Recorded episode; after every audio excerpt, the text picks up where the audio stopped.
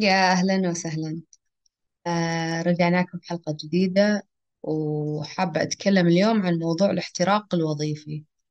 والحقيقة أنا ما عندي معلومات كثيرة يعني عن هالموضوع لكن حسب يعني خبرتي أو الأشياء اللي شفتها وقريت عنها آه الاحتراق الوظيفي يجي بس من ناحيتين. الناحية الأولى آه تكون فعلا هي التخصص أو المجال أو الوظيفة هي فعلا صعبة وتتطلب أول بأول آه، حضورك إدراكك وجودك. آه، يعني تاخذ وقتك كامل سواء أنت في مقر العمل أو أنك خلاص انتهت فترة العمل بس ما زلت. آه، لازم تتواصل يعني مع العمل.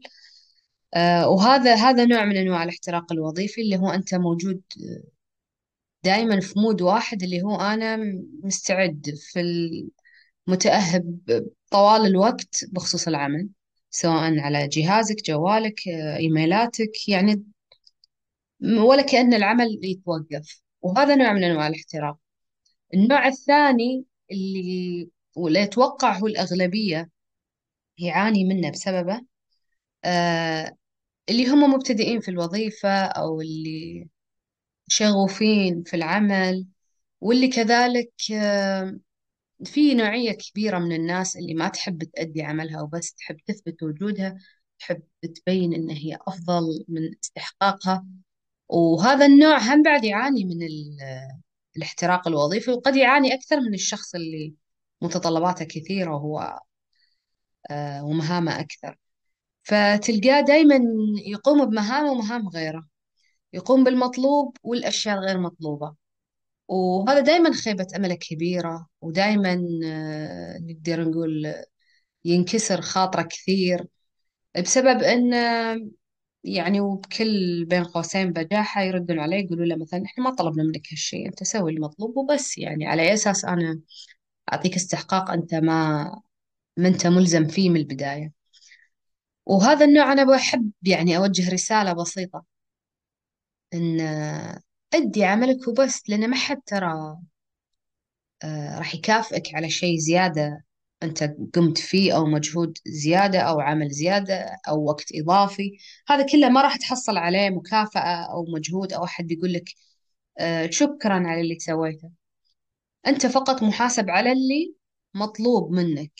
أي شيء زايد هذه من عندك يعني. فأنت تشوفها آه، تكون سبب في خيبتك تراجعك عدم شغفك. فمن البداية لا تقوم بشيء ما هو مطلوب منك. من البداية لا تأدي عمل ما هو عملك. أساعد طبعا آه، في ظروف صعبة ممكن أساهم فيها أجيب جهد زيادة آه، أخذ آه، part time إضافي اللي هو لكن ما أعودهم أن أنا والله موجود طول الوقت وأن يعني أنت كأنك تسعى للاحتراق الوظيفي. آه، الاحتراق الوظيفي هو عبارة عن آه، تفكير زائد قلق توتر آه هذا ال- ال- المحاتاة اللي تقعد تحاتي شيء يحصل وأنت على استعداد كامل إنك تواجهه. آه طبعا في دراسات كثيرة أثبتت أن النساء يعانون آه، من الاحتراق الوظيفي أكثر من الرجال. آه وصنفت أن الأسباب اللي تعود أن النساء أكثر. آه بسبب حاجتين. الحاجة الأولى إن المرأة بشكل عام يكون عندها مسؤوليات أخرى اللي هو البيت الأمومة الأطفال فدائما تكون آه، في قلق آه، زائد وفي احتراق وظيفي. والسبب الثاني واللي أنا أرجحه أكثر سواء للرجل أو المرأة هو ال- القلق للسعي للمكانة. هي قلقها الزائد إنها عشان توصل لأنها تبي تثبت الأحد لأنها في المقام الأول مرأة ولأنها في المقام الثاني تبغى تبين إن أنا قادرة. فالسبب الثاني مثل ما قلت بسبب حصول على منصب يعني ح- يعني هي تعاني من الاحتراق الوظيفي حتى تصل سواء المنصب أو الراتب معين أو البوزيشن معين أو يعني في لها غاية. وبالنسبة لي أنا أرجح السبب الثاني آه، وأقيس عليه سواء المرأة أو الرجل لأن الاثنين أساسا فيهم هذا القلق اللي أبغى أوصل أبغى أحقق آه، منصب معين أو راتب معين أو تايتل معين.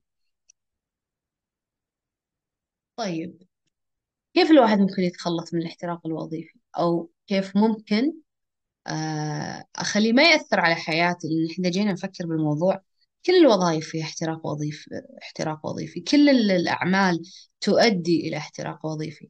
لأن بالنهاية أنت مشغول بالك مشغول مشغول وقتك مع العمل. وما في راحة بالموضوع. فأتوقع من من وجهة نظري أن الشيء الوحيد اللي ممكن يساهم في أن الاحتراق الوظيفي ما يأثر على حياتك بشكل سلبي آه، تأخذ فترات بريك. يعني أنت ست شهور متواصلة على عمل تام وكامل خلاص اعزل بعدها ثلاث شهور أو شهر أو شهرين تراها تكفي. تكفي إنه يكون عندك restart من جديد إنه تطلع لك refresh إنك تكون مستعد من جديد على الأقل على الأقل عشان ما يموت الشغف هذا واحد. وأقل شيء عشان آه، مثل تشحن طاقتك من جديد. فالفترات ال break الاستراحات هذه سواء قصيرة ولا طويلة تساهم إنك أنت ممكن آه، تخفف العبء آه، تخفف المجهود التعب. آه، راح تحصل على فترة كثير من النوم. ترجع آه، تمارس هواياتك اللي تحبها. آه، ترجع آه، تخفف يعني يرجع بالك أو ذهنك شوية أصفى من قبل. آه، وما عندي بصراحة أي إضافات ثانية ممكن أضيفها بهالموضوع. لكن آه، الاحتراق الوظيفي آه، أحس أن زمام الأمور بيدك. أنت ممكن تتحكم أن الموضوع ممكن يتمادى ويأثر على حياتك الشخصية وح- و- وعلى نفسيتك وعلى صحتك. وممكن أنت بعد تتحكم فيه إنه ممكن ما يأثر يعني في في حدود. إذا حسيت إن الموضوع تعداها أنت هنا تسوي ستوب أنا والله ما أقدر أعطي. طاقتي انتهت. ما أقدر أؤدي مب... أو أبذل جهد أكبر من اللي الحين بذلته لازم. على الأقل إني آخذ لي فترة break أو آه، أصفي ذهني. يعني صار ال weekend أو عطلة الأسبوع ما تكفي لأنها صارت حتى هي فيها مهام وفيها أعمال وفيها إنجازات شخصية عائلية آه، مواعيد اللي هو لكنها ما صارت فترة راحة آه، اللي تخليك والله ترجع للعمل بهمة ونفسية أفضل. وبطاقة مشحونة أكثر. فخلي لك إجازة مطولة كل أسبوعين أخذ ثلاث أيام زيادة أو نهاية كل ثلاث شهور أخذ لي عشرة أيام أو نهاية كل ست شهور أخذ لي شهر. يعني أنت قسمها آه، بطريقة أن حتى وأنت تشتغل حتى وأنت في عز ال- يعني نقول المعمعة والتعب والمجهود الكبير اللي قاعد تبذله حط في بالك وفي ذهنك إنه والله هانت كلها كم يوم وراح أطلع إجازة وراح أرتاح وراح أشحن طاقتي وراح أرجع مثل أول وأفضل. وسبحان الله دائما ال- ال- الرجعة تكون أقوى ودائما تكون العودة آه، بنفسية وبشغف أكبر. فكان الله في عون كل شخص يحترق وظيفيا وإلى حلقة جديدة إن شاء الله آه، للحديث بقية.